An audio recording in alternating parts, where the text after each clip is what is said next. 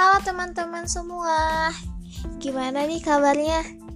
Semoga kita semua sehat selalu ya.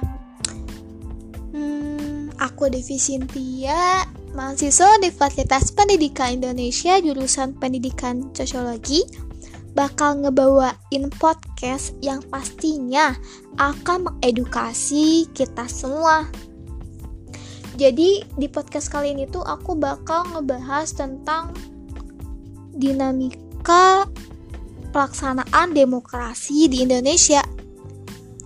Nah, teman-teman, pasti kalian tahu kan kalau negara kita itu adalah negara yang berdemokrasi. Tanpa kita sadari, setiap hari itu kita pasti bakal berdemokrasi. Kita bakal mengeluarkan pendapat kita Ya karena kita itu adalah manusia yang diberikan hak kebebasan untuk berpendapat.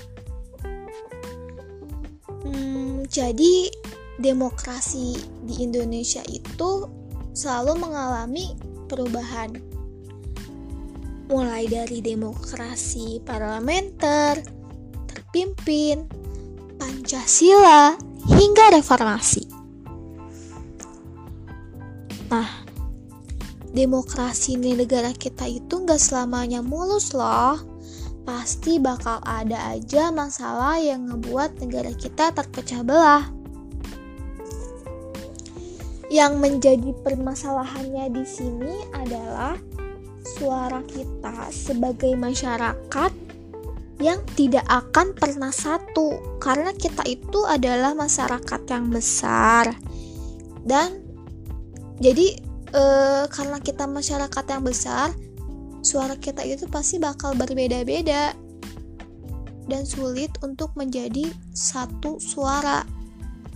Hal itu tuh bisa mempersulit kita sebagai warga negara Indonesia untuk bersepakat dalam hal apa pun. Mungkin itu juga yang ngebuat sistem demokrasi yang murni menjadi sulit terwujud Hal itu juga bisa menjadi penyebab terjadinya dinamika dalam pelaksanaan demokrasi di Indonesia.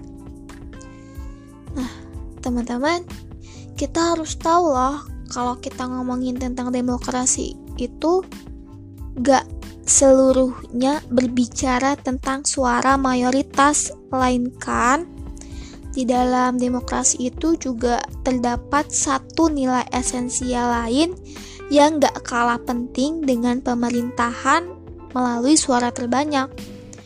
Jadi, nilai esensial yang dimaksud di sini adalah perlindungan atas hak asasi manusia. Bisa kita simpulkan bahwa konsep antara demokrasi dan hak asasi manusia itu sangat berkaitan loh. Keduanya itu saling bersatu dan mempengaruhi pemahaman satu sama lain. Hmm, pasti di benak kalian timbulkan pertanyaan, apakah dengan sistem yang demokratis pemerintah sudah mengimplementasikannya? Jadi, menurut pendapat aku sendiri nih ya, negara Indonesia ini sudah menerapkan sistem demokrasi. Ya, walaupun banyak sekali terjadi penyimpangan seperti jalannya sistem pemerintahan yang tidak sesuai dengan struktur-struktur yang disusun. Jadi, sistem pemerintahan di negara kita itu sudah menunjukkan bahwa negara kita adalah negara yang demokrasi. Nah, namun apakah sudah diimplementasikan dengan baik? Menurut pendapat aku sendiri sih, negara kita itu udah tersusun rapi semua aturan dan juga sistemnya. Tapi kalau kita ngelihat realitanya, aku sendiri sering banget ngelihat fenomena demokratis Indonesia yang cuma jadi formalitas doang.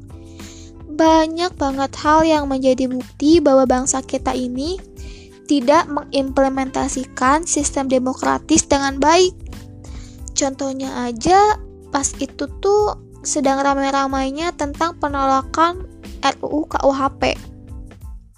banyak banget masyarakat yang menolak dengan disahkannya RUU KUHP. Nah, hal itu tuh ngebuat banyak elemen masyarakat yang turun ke jalan untuk berdemonstrasi besar-besaran. Namun, dalam peristiwa tersebut terdapat korban meninggal akibat tembakan dari aparat itu sendiri. Nah, parah nggak tuh? Jadi, dari peristiwa tersebut tuh kita bisa simpulkan bahwa dalam negara demokratis rakyat itu berhak menyuarakan pendapatnya. Namun juga dari kejadian tersebut bisa menunjukkan bahwa demokrasi tidak berjalan dengan baik di negeri ini. Karena kebebasan masyarakat untuk berpendapat ter patahkan dengan terjadinya korban jiwa. Jadi itu tuh e, kayak gambaran demokrasi kali ini sih ya. Aku harap sistem demokrasi di negeri kita ini semakin tahun semakin lebih baik lagi itu sistem pemerintahannya. Nah, mungkin itu aja podcast yang bisa aku sampaikan. Semoga bermanfaat buat kalian semua. Mohon maaf jika ada kesalahan. Wassalamualaikum warahmatullahi wabarakatuh. Semangat semuanya.